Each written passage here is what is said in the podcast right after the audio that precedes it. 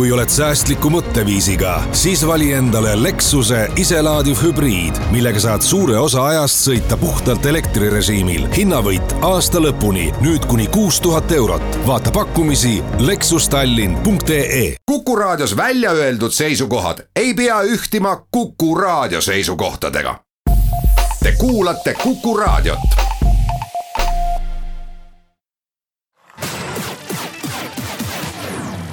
nädala Tegija. tere päevast, Nädala Tegija alustab ja täna on meil saates uus maaeluminister Arvo Aller, tere päevast. tere päevast. no te satute ministriks või sattusite ministriks nüüd väga valdkonna jaoks suhteliselt keerulistel ja närvilistel aegadel, et, et sellel nädalal eh, iseloomustas Eesti põllumajandust mingil määral ka see, et, et toimus Toompeal eh, streik või meeleavaldus või, või, või tuletasid põllumehed end meelde valitsusele, et eh, kas see selliseid lisapingeid või, või lisapaineid ka uuele ministrile peale paneb, et kui põllumehed tulevad raha küsima olukorras, kus vahepeal valitsus ilma teieta, seda peab kordama, nad ära unustas? noh, põllumehed toetavad ennast, tuletavad ennast alati meelde ja mul oli hea meel kohtuda seal ka tuttavatega inimestega. nüüd selle meeleavalduse osas meie Eesti oma oli väga selline põllumeeste poolt hästi organiseeritud, et tuldi korralikult Toompeale, ei olnud mingeid selliseid suuri tänavate kinnipanemisi. kõik tulekud olid kokku lepitud politseiga, kõik kohalolek oli politseiga kokku lepitud. et minu jaoks väga viisakas ja väga edumeelne samm põllumeeste poolt. nüüd lisapingetena minu jaoks ta kindlasti võis olla natuke lisapingeid pakkuv, kuna ma ise ei saanud eelneva protsessi juures olla. on ta siis riigieelarve läbirääkimistel, riigieelarve strateegia tegemisel. et sellisel kujul ta jah, et mul ei olnud nagu kaasarääkimise võimalust. et tol hetkel ma olin ikkagi mitte teisel pool rindejoont, vaid ikkagi põllumeeste poole peal. no ikkagi et... jah, teisel pool rindejoont selles mõttes küll, et ikkagi põllumeeste poole põllumeeste poole peal, et ma teadsin äh, selle meeleavalduse noh toimumise aega. et nüüd minu ametisse nimetamine ja vande andmine riigikogu ees toimus just samal päeval. ma arvan, et see oli hea kokkusattumus. no kui te jutus juba tuli välja, et, et olite tegelikult põllumeeste poolel enne, kui seda asja korraldama hakati. siis teie südames ju tegelikult saate aru, et põllumeestel oli natukene põhjust ka valitsuse peal noh, pisut kriitiline olla õigustatud ootus põllumeestel oli ja nii selle valimiste ajal, kus kõik äh, andsid nagu mõista, et nad toetavad põllumehi ja maksimummääras. nüüd koalitsioonilepingu kokkupanekul ja selle allkirjastamisel, ma ei usu, et nad ära unustati, et ta jäi ikkagi ühe osana mitte just joone all, aga ikkagi ootele, et mingi võimalus, kui tekib, et siis ikkagi paigutatakse maksimaalsed võimalikud vahendid riigieelarvest sinna põllumeeste top-up'i toetamiseks, üleminekutoetustele.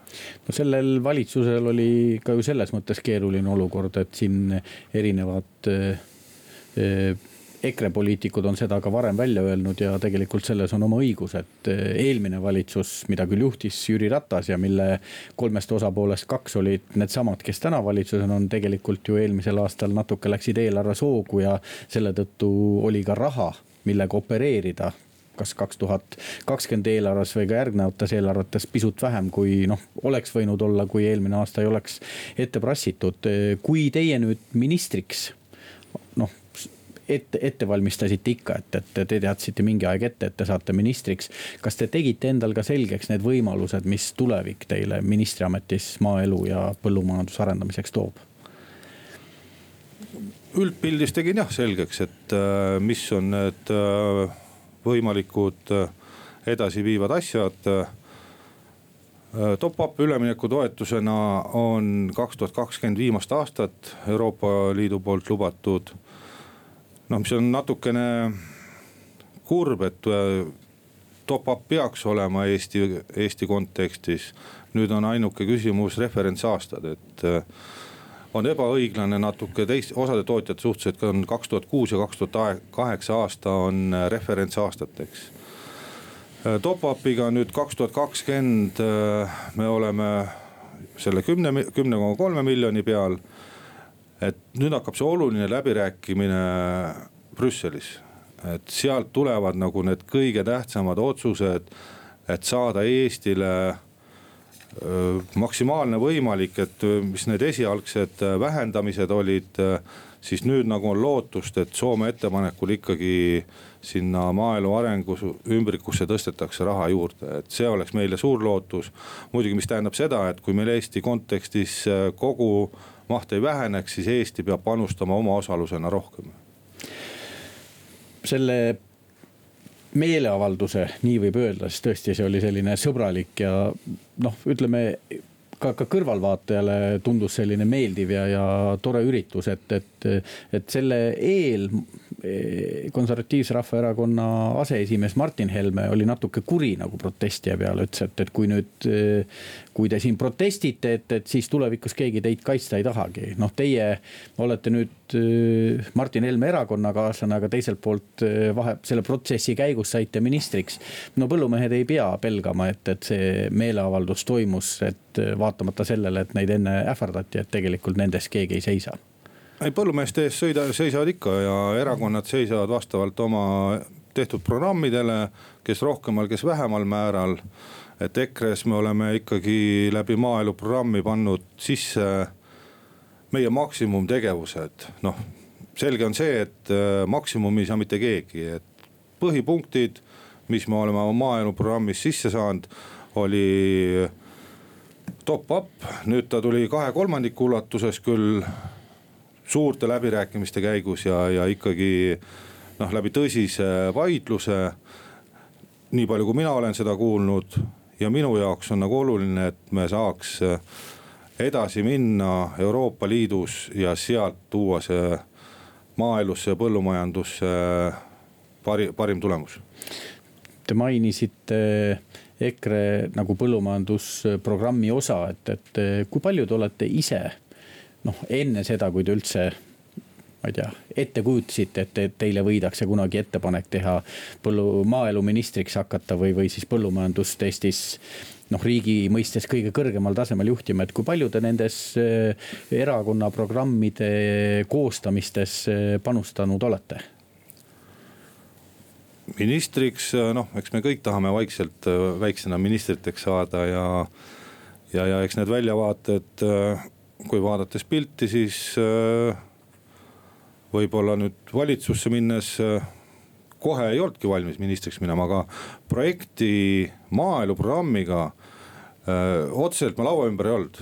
ma tutvusin kõiki nende memodega, draftidega, tegin oma ettepanekuid, minu jaoks oli olulised teemad olid seal nõuanne, noored maale regionaalpoliitika ja maaelu kui üldine säilimine, ehk siis ka see üldine maastik ja keskkond. siinkohal kuulame pisut reklaami, jätkame juttu uue maaeluministri Arvo Alleriga pärast seda. nädala Tegija. nädala Tegija jätkab saates täna maaeluminister Arvo Aller, mina olen Meelis Atonen. ma ei tea, võib-olla peaks korra ka teie kujunemisest natukene rääkima, et, et alati on huvitav teada saada, et eh, kuidas elada nii, et saada ministriks, aga. aga teie puhul ma alustaks pigem sellest, et eh, mis hetkel te tundsite, et tahaks minna põllumajandust õppima? Te olete ju agronoomia lõpetanud. täpselt nii. olen lõpetanud Kohtla-Järve esimese keskkooli ja ma mäletan, keskkooli ajal oli nagu selline tuleviku kas kirjand või selline väike kokkuvõte ja siis mina olin oma klassis nagu ainuke, kes ütles, et tema tahab põllumajandust minna ja mul on nagu kindel, et agronoomiat. ja millest see tuli, et kuna ma olen lapsepõlve vedanud äh, või kasvanud ja kogu oma lapsepõlve olnud äh, Jõhvi aiandis, mis on äh, oli Eestis nõukogude ajal ka üks suurimaid köögiviljakasvatajaid ja lillekasvatajaid ja peeti ka põldu ja seal olid loomakasvatus, nii lüpsilehmad, sead et minu töökasvatus ongi tulnud sealt Jõhvi aiandist, kus ma olen olnud äh, malevas, kus ma olen olnud traktorist, kus ma olen aidanud äh, enne kooli algust augustikuus oleme põhku teinud äh, ja sellist loomasööta varunud, et selline reaalne kokkupuude tuligi maaeluga ja põllumajandusega sealt lapsepõlvemaalt. Ja kuna seal meie seltskond oli päris suur, seal minuealisi oli kümmekond poissi ja minule jäi see äh, maaelu pisik sisse. ja siis ma juba teadsin, ma arvan üheteistkümnes klassis, et ma lähen agronoomiat õppima. no agronoomia lõpetasite ülikoolis ära selle kooli nimi ajas muutus, küll oli EPA ja Eesti Põllumajandusakadeemia, hiljem Põllumajandusülikool, täna on ta siis Maaülikool, aga, aga kuidas siis juhtus nii, et eh, päris põllumeheks te ei hakanudki, vaid sattusite hoopis nõu andma põllumeestele? sellised asjad ikka juhtuvad. jah, eks need on äh, tolle hetke võib-olla juhuslikud valikud olid, et kool sai läbi. et noh, meie kursuselt väga paljud töötavad ka praegu põllumajandussüsteemis, ehk siis äh, on ka reaalselt osad põllumehed äh,. minu jaoks ta läks nii, et Ida-Virumaale tagasi tulles äh, avastasin kohalikus põhjarannikus kuulutuse, et äh, organisatsioon Ida-Virumaa Talupidajate Liit äh, otsib konsulenti. ehkki mul äh, suurt aimu ei olnud, mis see töö endast kujutab nõustamist, tundes ennast värske ülikooli lõpetajana täis tahtmist ja energiat, olin ma valmis, valmis sinna minema, tegin ka oma CV saatsin sinna ja käisin ka vestlusel kus oli ka, mis mul pärast välja tuli, ei olnud ma esimene eelistus seal, et äh, õnneks või kahjuks enne mind vestlusel käinud inimene loobus sellest kohast. ja minul nagu õnnestus saada sinna konsulendina tööle, mis tähendas seda, et mul tuli hakata reaalselt tootjate juures käima, põllumeeste juures käima kohapeal. ja ega see nõustaja algusaastad olid ka muidugi väga kuidas seda öelda siis ka võib-olla natuke rõhuvad, et selline mentaliteet või nagu, et ma olen selle läbi käinud, kus sa lähed tootja juurde ja ütled, et sa oled konsulent, et tead neid, neid asju, et kas me saame vaadata või nagu koostööd teha, et. et siis oligi see, et äh, tootjad küsis, et palju mul endal maad on, mida ma teen, ma ütlesin, mul ei ole endal maad, elan viiendal korrusel. siis eh, noh, näitlikult, et näed, sulane on seal, et võid temaga minna rääkima. aga selle üle saame nüüd nalja visata ja see tähendab seda, et ma olen aastat, eh, aastalt nagu edasi läinud ja see ei löönud mul põlvi nõrgaks, et ma läksin ikkagi edasi ja tahtsin tõestada, et ma suudan ja saan sellega hakkama kas eh, ma saan nagu õigesti aru, et põhimõtteliselt oma töömehe karjääri oletegi noh, suures plaanis eh, ühe, ühe ja sama asja, kuidas ma siis ütlen, eh, asja peale noh, nagu kulutanud kõlab kuidagi halvasti, aga, aga ma mõtlen heas mõttes, et, et olite konsulent, nüüd olete Talupidajate Liidu juht, aga et noh, põhimõtteliselt see on kõik see, et, et kohalikke põllumehi aidata ja neile toeks olla. Mm, täpselt nii, et alustasin noh konsulendina. siis edasi vahetus meil äh, juhatuse esimees läks riigitööle, siis pakuti mulle seda asja organisatsiooni juhtida, ehk siis kaks aastat hiljem. ma olin valmis, võtsin selle vastu, siis tuli ka selline organisatsioonilised üldjuhtimised, et äh, liikmetega suhtlemine ja erinevate teenuste kaudu äh, organisatsioonile raha toomine, mis aitas neil üle elada ja ma arvan, et me oleme suutnud jõuda sellisesse hetke praegu, kus äh, oleme ainuke maakondlik organisatsioon, kellel on oma maja, mida ei ole mitte kellelgi. selle maja ehitasid üles põllumehed läbi organisatsiooni, ilma suuri kohustusi võtmata. nii et on neil olemas koht, kus saavad põllumehed koos käia ja noh, taluliidul Ida-Virumaal oli liikmeid, oli äh, Jõgevalt, Lääne-Virust Äh, isegi Harjumaalt oli, Viljandist, et selles mõttes liikmeskond, kes ostis meilt teenust, tundis ka vajadust, et läbi liikmeks oleku toetada organisatsiooni. teoorias, kui te täna noh, vaatate selle aastakümnete pikkusele või ütleme, veerandsaja aasta pikkusele teekonnale sealt konsulendi ametist tänasesse kohta, kus te nüüd pidite küll selle teekonna pooleli jätma ministriks saades. võib küll öelda, et, et selline esialgne noh, kannatlikkus hetkel, kui võib-olla peremehed ei tahtnud teid võrdse partnerina võtta, on aastate jooksul ära tasunud. selles mõttes ära tasunud, et, et olete ennast tõestanud ja teiselt poolt saate nüüd veel kõrgemal tasemel oma kogemusi tööle panna jah, see on äh, tõesti nii, et see on nagu edasi viinud kogu aeg ja ma olen tänulik kõikidele oma klientidele, kõikidele tootjatele, kes on selle teel olnud organisatsioonis ja minuga koos.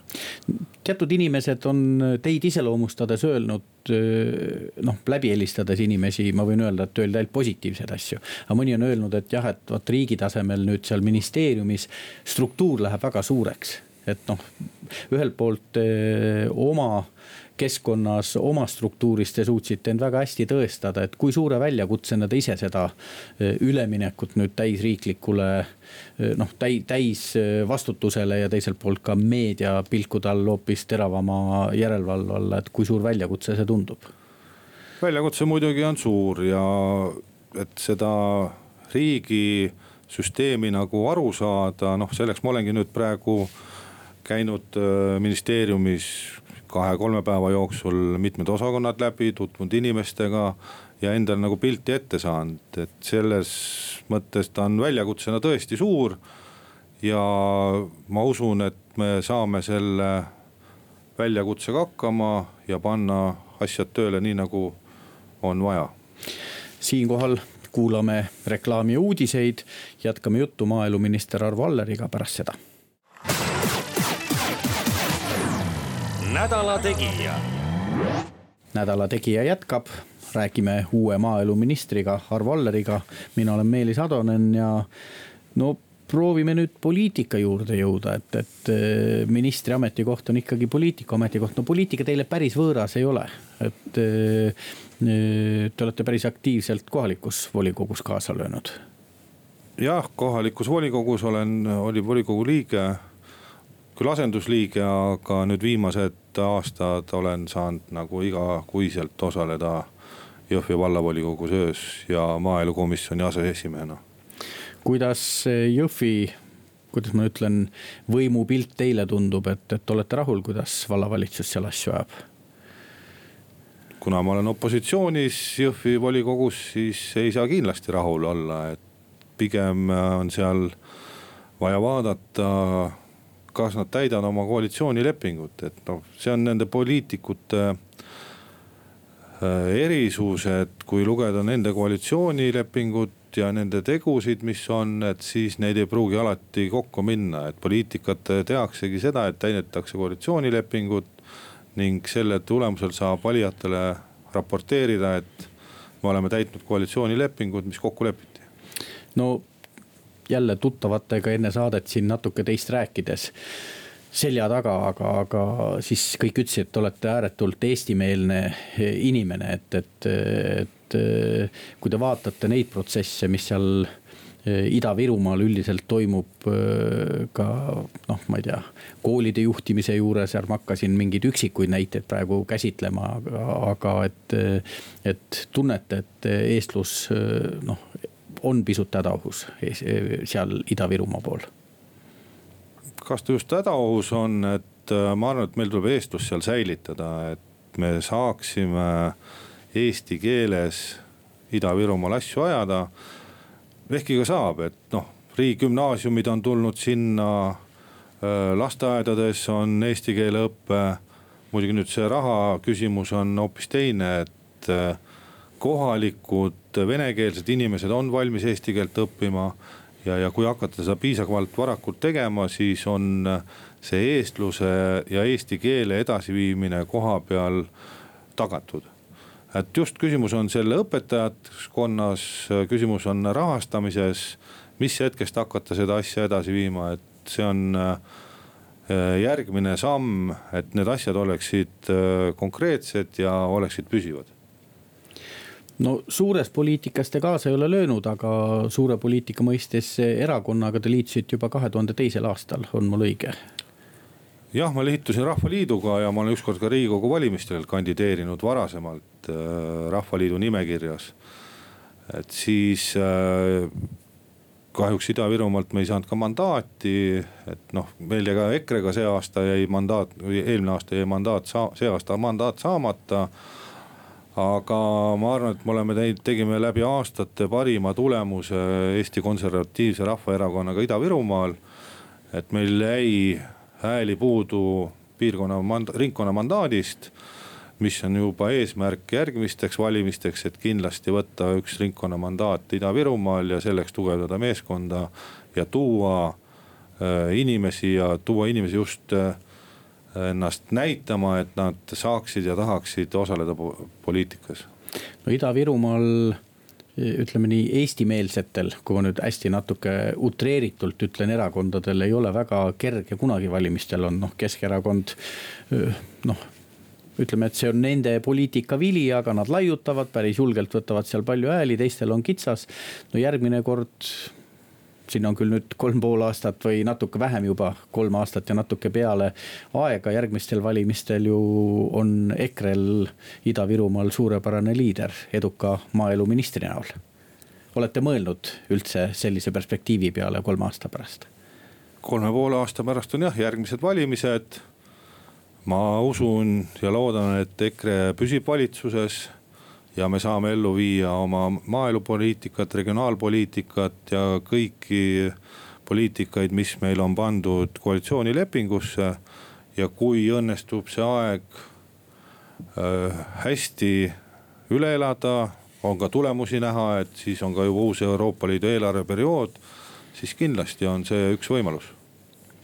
no te nüüd olete mõned päevad saanud oma uues kabinetis olla, et teie eelkäija sai veel selle peale, kui ta oli juba ametist lahkunud, sai veel eriti kuulsaks, kuna ta avastas või, või andis siis teada, et tal on kabinetis lutikad, et iseenesest Eesti Vabariigi ministri kabinetis sellised pealtkuulamisseadmed noh, päris. kuidas ma nüüd ütlen, tühja koha pealt olla ei tohiks, et olete kindlaks teinud, et teie nagu saate rahulikult tööd teha, et keegi ei taha teid pealt kuulata? ma usun, et äh, ma saan oma tööd teha kas mind pealt tahetakse kuulata, siis läbi kabineti on kindlasti kõige riskantsem teha, et äh, lutikatõrjet teinud ei ole. Lähen oma tegevustega seal edasi, et äh, praegu ongi lihtsalt sisseelamise aeg ja see oleks minu jaoks nagu teisejärguline praegu, ma sellega ei tegele.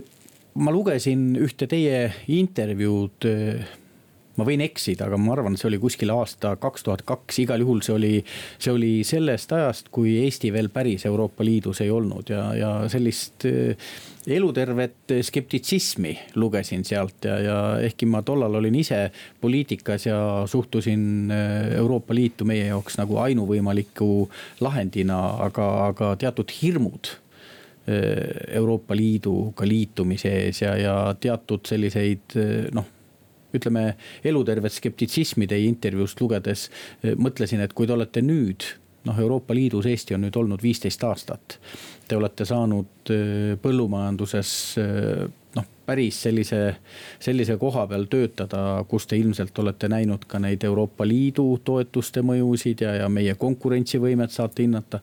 kas Eestile see, et, et me pigem oleme osa Euroopa Liidust on noh, tänases hinnangus nagu Eestile kasuks olnud või, või oleme me pigem sellest kaotanud?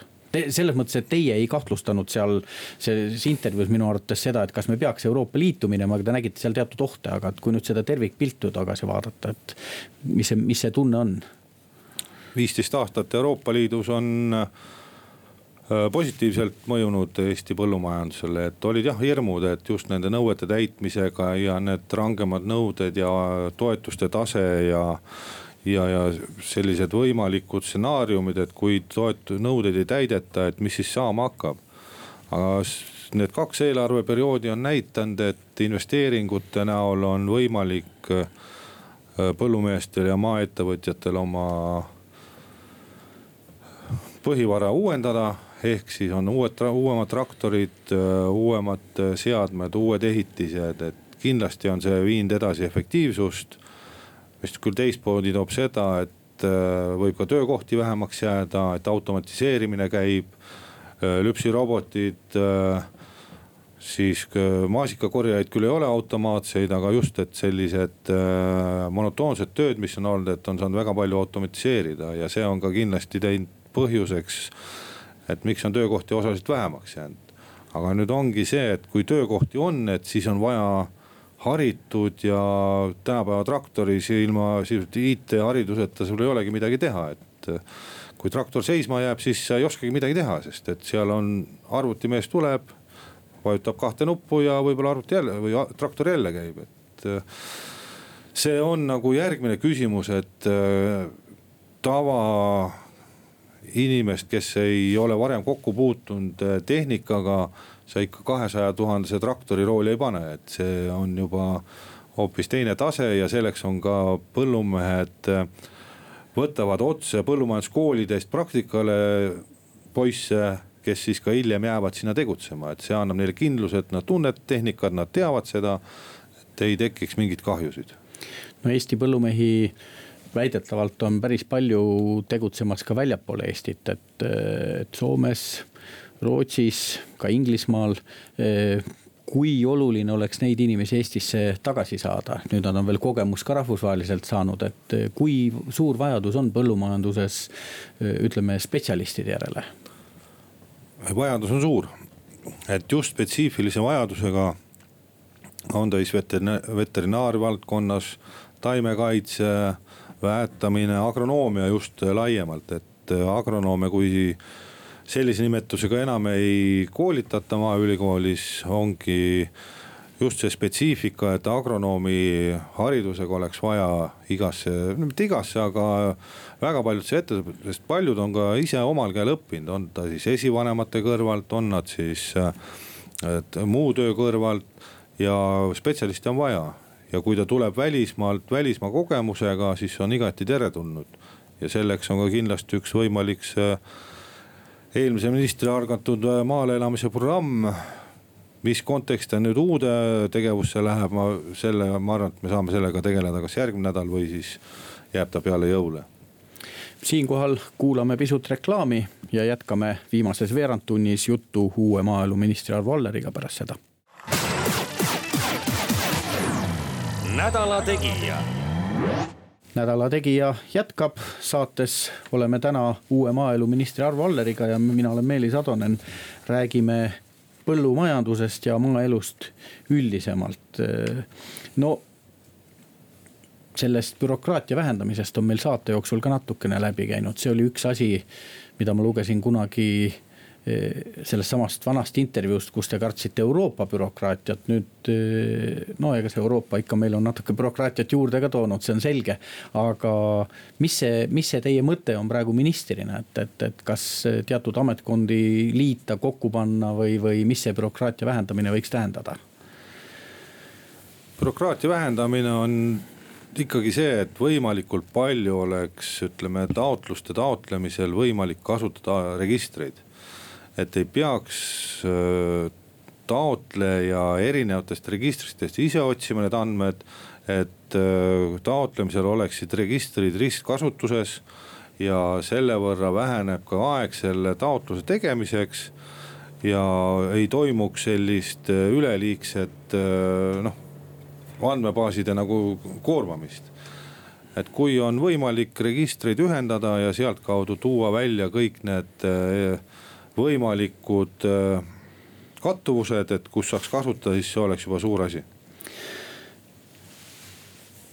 no te kohtusite sellel nädalal äh, ka Euroopa Parlamendi ühe saadikurühma esindajatega, kes Eestis käisid, enne me rääkisime sellest, et äh, Euroopa suunas tuleb tööd teha selleks, et Eesti põllumeest. noh, kuidas ma nüüd ilusti ütlen, pisut võrdsema partnerina võetakse. Nende külaliste hulgas oli just palju Prantsusmaa ja Itaalia ja ka Saksamaa esindajad, need on. no Prantsusmaa, Itaalia on minu arvates eriti need riigid, kus poliitikud on väga tugevalt oma põllumajanduse lobi all. kas te usute, et sellel kohtumisel teatud sõnum õnnestus neile edasi anda, et, et, et meie põllumees tahab ka võrdne teistega Euroopas olla? Ma usun küll, et äh, andsin kerge, kiire ülevaate Eesti põllumajandusest, meie praegusest äh, olukorrast, kui, kus me oleme.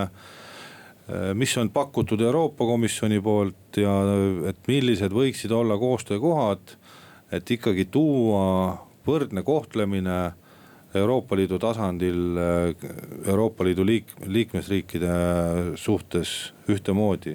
et kui meil tingimused on kõigile ühtemoodi ehk siis keskkonnanõuded, veekaitsevööndid, loomade heaolu, rohestamine, et kõigil on võrdsed, et siis me peaksime ka seda võrdselt kohtlema. et äh, sealt oli küll nende poolt nagu tagasiside, et äh, Euroopa Parlamendis tuleb seda kajastada ja tuleb viia, lähendada toetuste tasemed erinevate liikmesriikide vahel ma natuke provotseerin ka, et, et need esindajad on sellisest äh, seltskonnast, kust osad, äh, eriti prantslased vist sellest mis ta on, Rahvusliiga või no Le Peni erakonnast, nad väga Euroopa Liitu hästi ei suhtu, et äh, said äkki täna öösel veel Inglismaalt, kuidas ma ütlen, sellist jõudu, hingejõudu, et, et Inglismaa on nüüd noh, nüüd, nüüd ikkagi viiakse rahva tahe ellu, Inglismaa lahkub, tuleb Brexit. Äh, äh, seda tunnet teil ei jäänud, et Prantsusmaa järgmisena näiteks Euroopa Liidust lahkuma hakkab ja, ja kas Eestile see, kui sellised lahkumised tuleksid, võiks see hea või halb olla? Eesti kontekstis on kindlasti halb, kui lahkumised tulevad, et äh, nüüd saabki näha, et mis see Brexitiga toimuma hakkab. et üks äh, liikmesriik lahkub äh, Euroopa Liidust. Prantsuse poolt ma ei tundnud küll sellist nagu rünnakut või tahet, et me nüüd iga hinna eest hoiaksid, et me ei läheneks toetuste tasemetelt.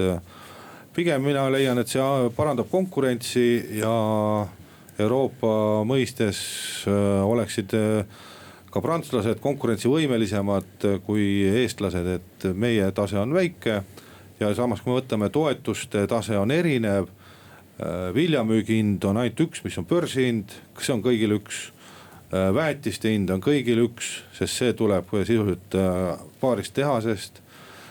taimekaitse on samamoodi, seemned on, et meil on võrdsed alused on tarbikutel ja väljamüügihinnal, nüüd see vahepealne osa, kus äh, mõni Euroopa osa saab kaks saaki aastas, Eesti saab heal juhul üks ja kui saab ühe kätte, on väga hästi, et sealt tulevad need erisused. Ja kindlasti on meie, meie argument ka see, et me sellele rõhume.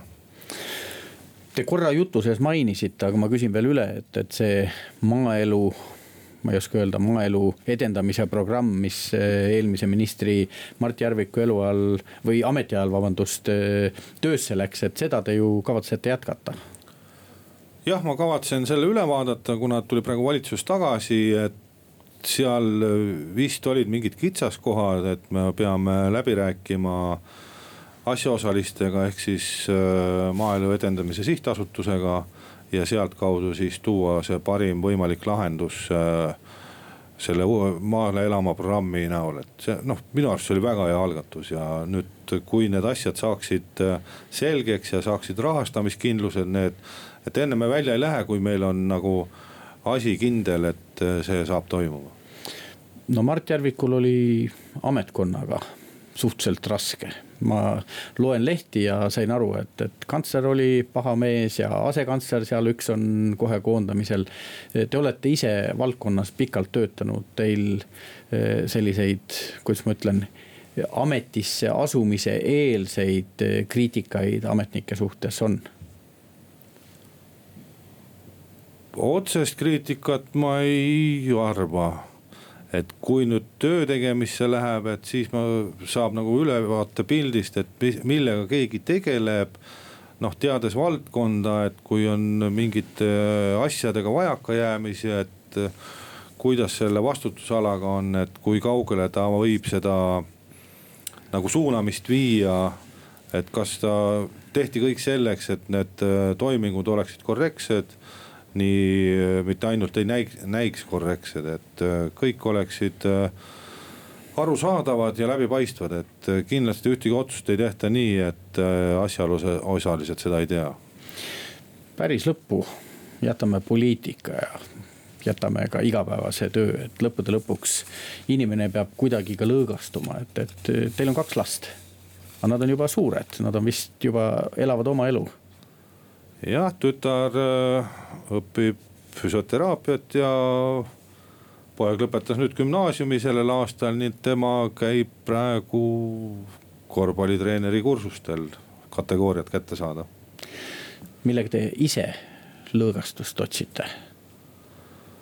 noh, minu kirg on korvpall ja selles suhtes ma olen nagu abiks koha peal noh klubile vabatahtlikuna aitan äh,.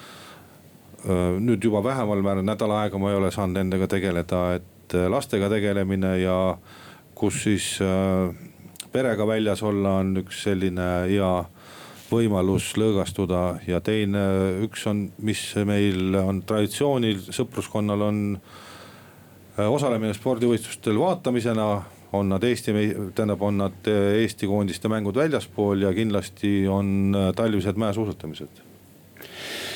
Soovin teile edu, kõike head Eesti maaelu ja põllumajanduse edendamisel ja loodan, et kohtume siin stuudios juba põllumajandusest konkreetsemalt rääkides, aitäh. aitäh! Nädala Tegija